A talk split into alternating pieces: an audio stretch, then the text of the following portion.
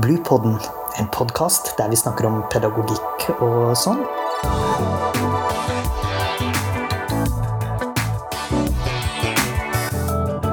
Podkasten er laget av barnehagelærerutdanninga ved Høgskolen på Vestlandet.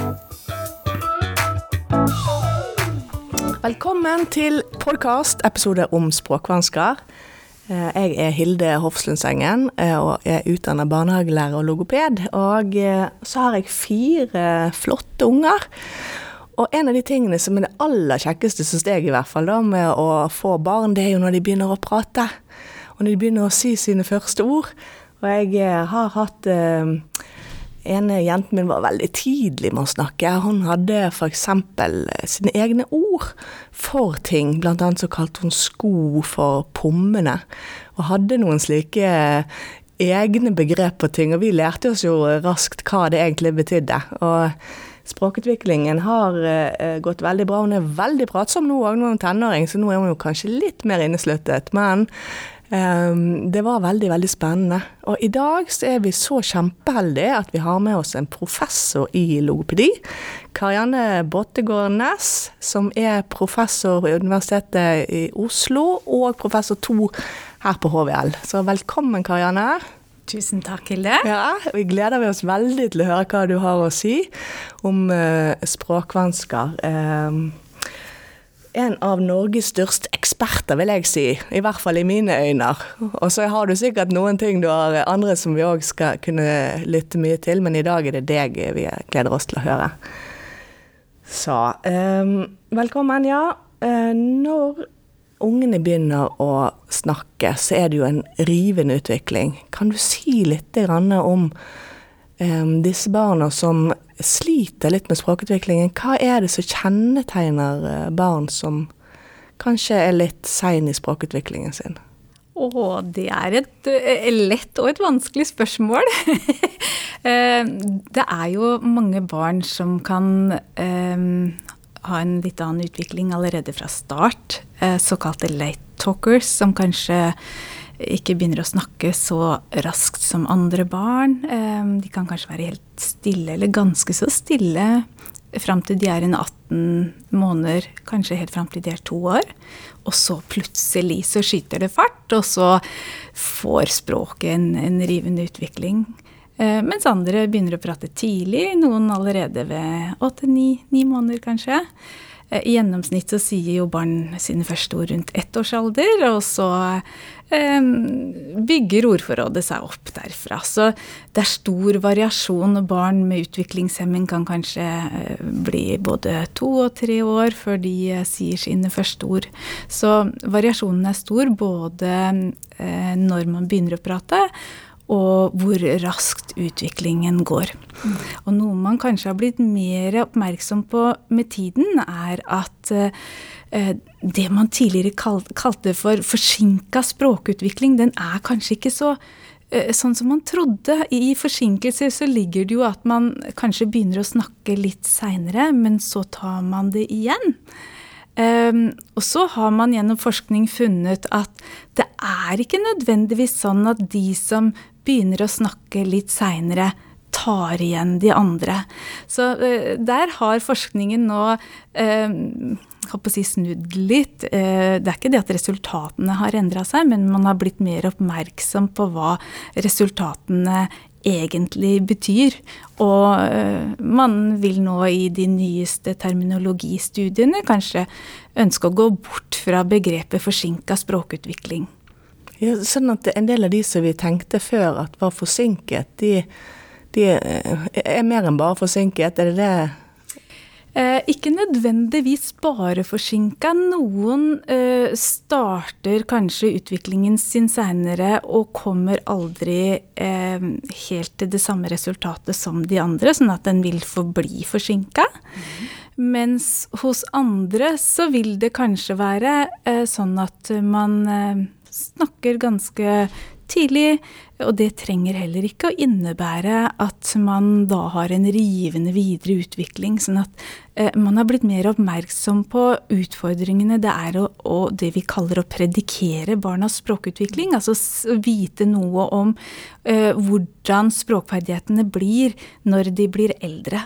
Så fra å være opptatt av å um, kunne si at dette er en forsinka språkutvikling, og da er det fare for språkvansker, så er man i dag mer opptatt av å si at her skal vi være obs, disse barna skal vi følge med. Man uh, setter inn kartleggingstiltak, og man uh, gjør også ulike intervensjoner eller såkalte tiltak underveis. Mm. Så det er ikke det at man overser barna, men man er veldig varsom med å å sette merkelapper på det og, og gi såkalte diagnoser. Så um, i dag er man opptatt av å se det over tid og kanskje følge barna helt til de blir en uh, ca. fem år gamle, før man uh, kan begynne å uttale seg om dette vil være vedvarende vansker eller ikke. Mm, ja, så der har det skjedd en endring. Hvis, uh, hvis jeg hadde jobbet i barnehagen, um, hva var det jeg skulle da vært litt oppmerksom på når det gjelder barns språkutvikling? Nå vet vi jo at Nesten alle unger går i barnehagen ifra de er ett år oppover. Hva tenker du at det er viktig at barnehagelærere er oppmerksomme på? Det er flere forhold som er viktige. og um, Det ene handler jo om de barna som begynner å snakke seint. Uh, på et seint tidspunkt når det gjelder alder. Uh, følge med på de. Um, det andre er å følge med de som er stille, som ikke sier så veldig mye. Men um, likevel henger med i leik og det sosiale. Uh, og så har man de som kanskje kommer i litt sosiale konflikter. Um, det er ikke alltid så enkelt at det nødvendigvis er det vi ser som er årsaken. Altså f.eks.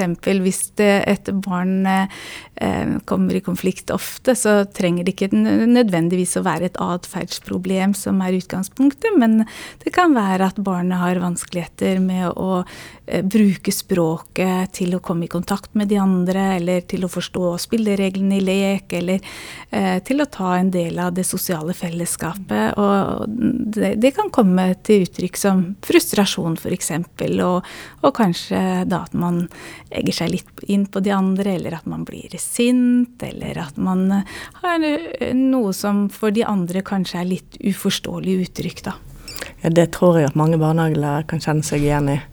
At det er ting som um, lett oppstår. Men um, når du sier 'følge med', hva tenker du hva tenker du rent konkret, da?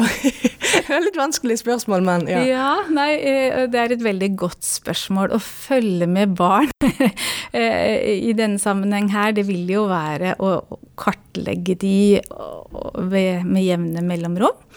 Um, og det kan man gjøre gjennom observasjoner, som man gjør notater uh, fra. Mm.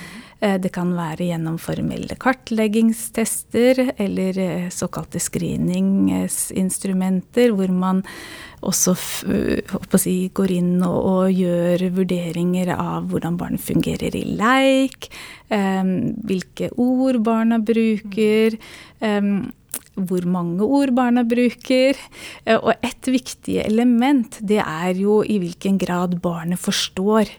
Og, og da er kanskje noe av det aller viktigste å være obs på, det er at mange barn kan forstå situasjonen veldig godt, eh, men trenger ikke nødvendigvis likevel å forstå ordene som blir brukt. Og det betyr at de støtter seg på konteksten heller enn de språklige uttrykkene. Og, og det, ut fra det vi vet i dag, så er det en større risk for de barna som har forståelsesvansker, for at øh, det skal vare ved. Mm. Uh, og det er grunnen til at vi da ønsker at barnehagelærerne skal være ekstra obs på uh, å følge med de barna som har vanskeligheter med å forstå. Mm. Så å, å gjøre dagligdagse aktiviteter i, i, barnehagen og observere barnets forståelse i de aktivitetene vil jo være noe av det viktigste barnehagelæreren kan gjøre tidlig i barnets utvikling. Det har jo vært eh, en veldig sånn eh, endring innenfor språkvanskeforskningen de siste årene. og Det er kommet noe som kalles catalyze. Kan du si litt om hva det er? Ja, eh, Catalyze har jo eh, Vi er akkurat nå i ferd med å, å publisere den norske Catalyze-studien. Eh, Catalyze har fokus på terminologi. altså Det handler om hva slags ord man bruker når man beskriver vansker med språk. Og Um, da kan jeg faktisk allerede nå røpe at det blir en endring eh, på norsk, hvor eh, man gjennom denne Catalyze-studien har sendt ut spørreskjemaer til fagpersoner innenfor en rekke områder som eh, har et ansvar for barn med utfordringer knytta til språket. Og vi har med utgangspunkt i de svarene som vi har fått inn, anbefalt en endring eh, nå, der man istedenfor språkvansker eh, snakker om språkforstyrrelser når de er av alvorlig karakter, og det er eh, vansker som varer utover femårsalder, altså som, som er varig, da. Mm. Ja, for denne eh, begrepen har jo endret seg på engelsk òg, fra specific language impairment til developmental language disorder. Så dette er den norske varianten, da? Stemmer. Ja. Barn med språkforstyrrelser. Ja. ja. Ja, men dette er spennende. Det har jo vært andre navn på norsk òg. Jeg husker, eh, var ikke det sagt barneafasi òg en gang?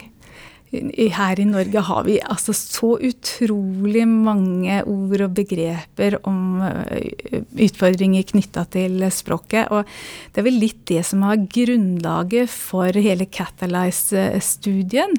Um, ikke bare her i Norge, men, men i England så uh, ble det i 2014 um, i forbindelse med et spesialnummer om specific language impairment, som det heter da på engelsk, um, der ble det inkludert en rekke artikler fra ulike kjente forskere, og hvor man så at de brukte ulike begreper, ulik terminologi, og også at uh, ident, altså indikatorene for de, disse vanskene varierte eh, veldig.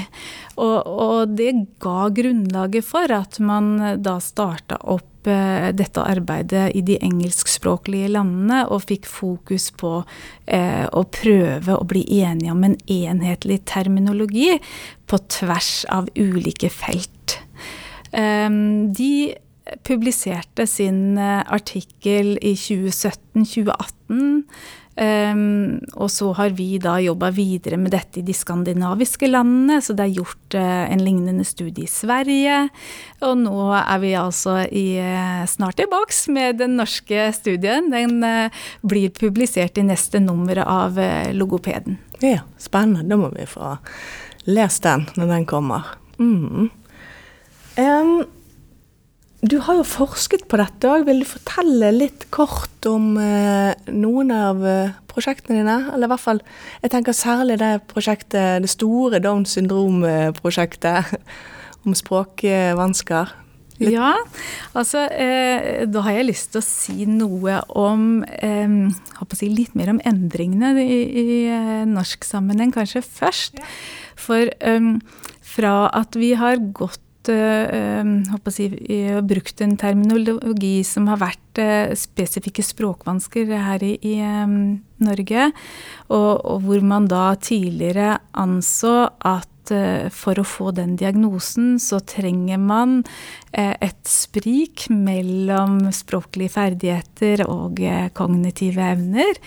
Så har man nå gått bort fra dette spriket.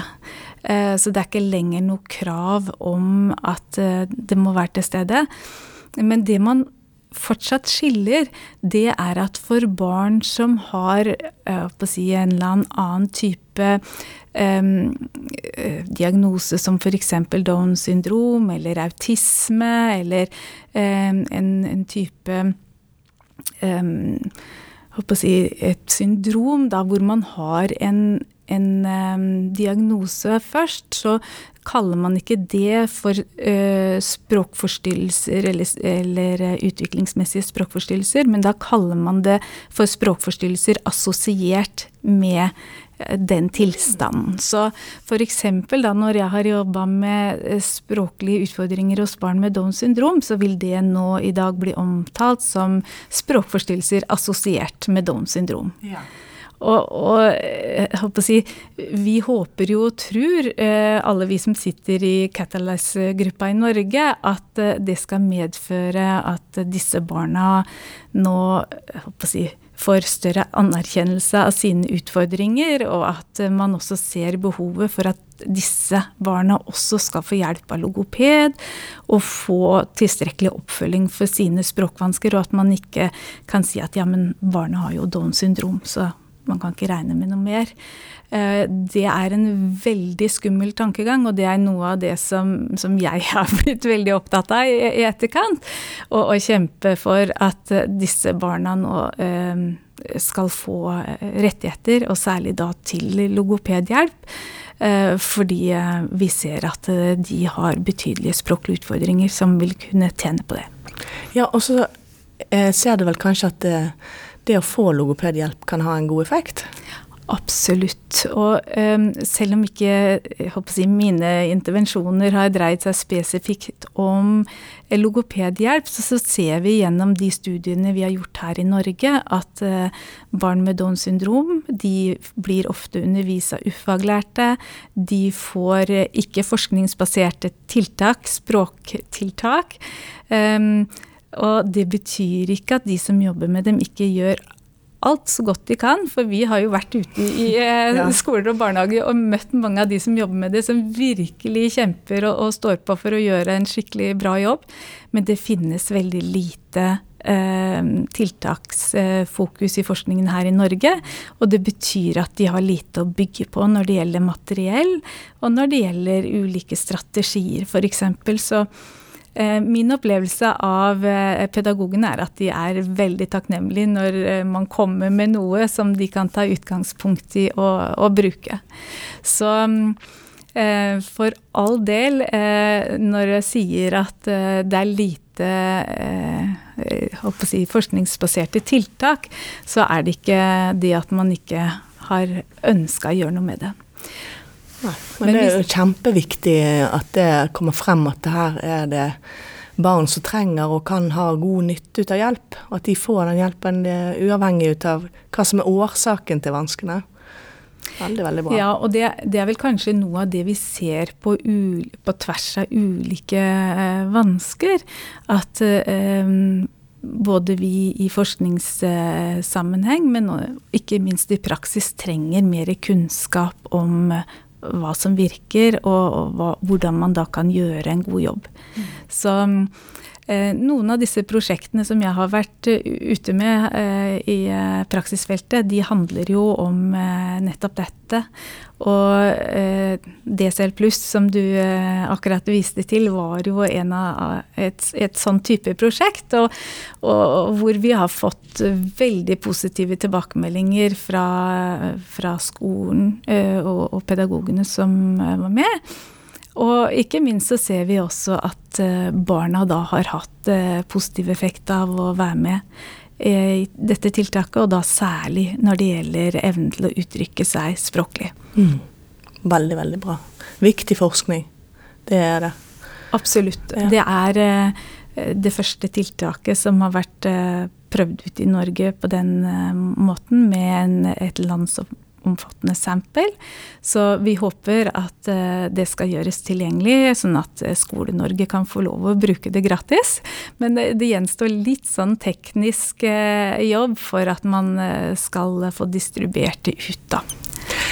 Før vi avslutter, eh, så har jeg tenkt at vi skal knuse noen myter, kanskje.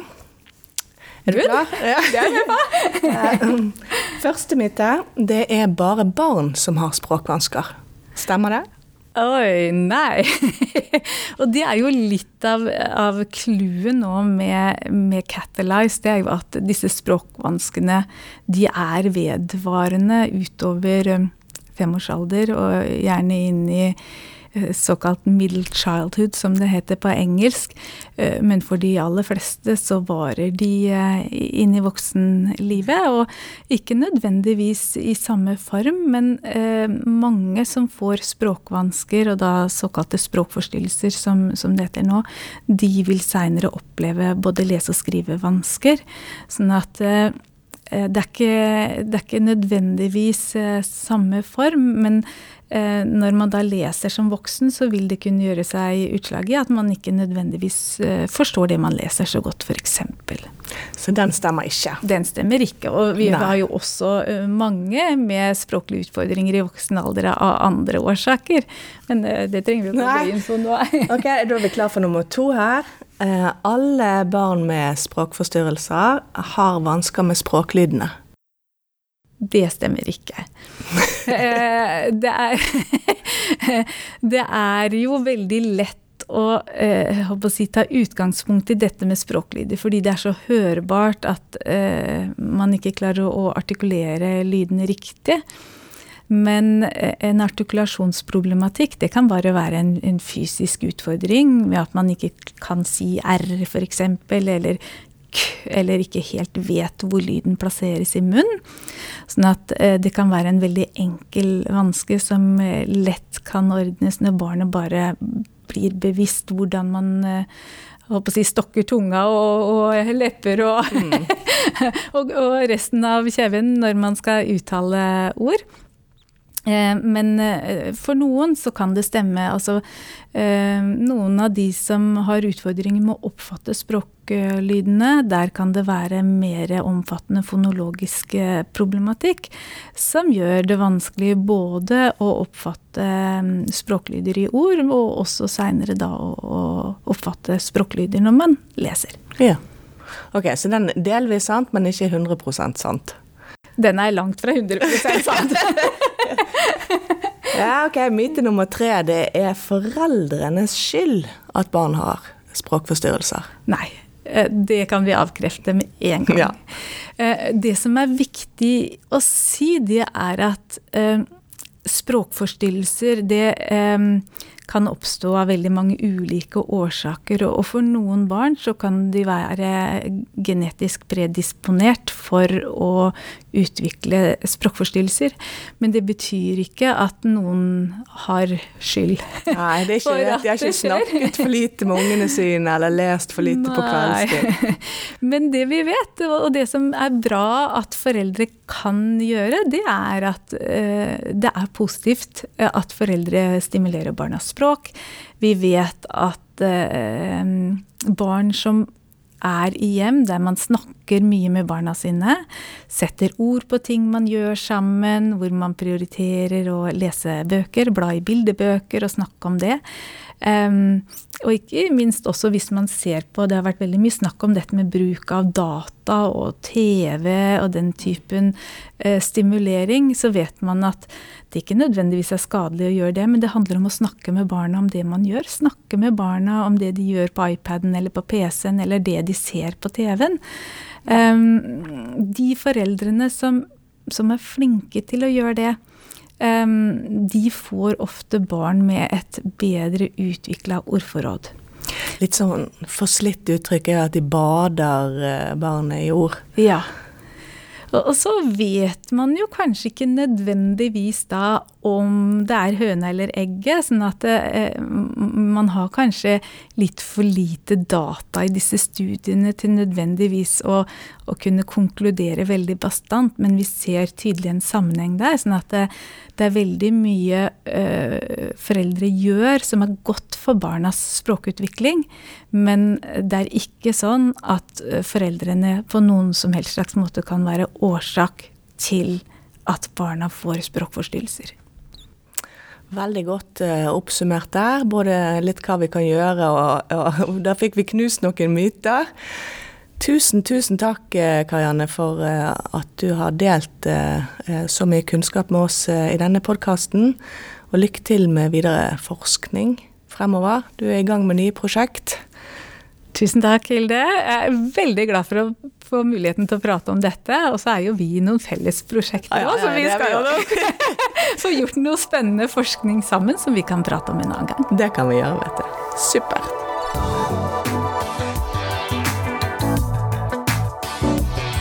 Podkasten er laget av barnehagelærerutdanninga ved Høgskolen på Vestlandet.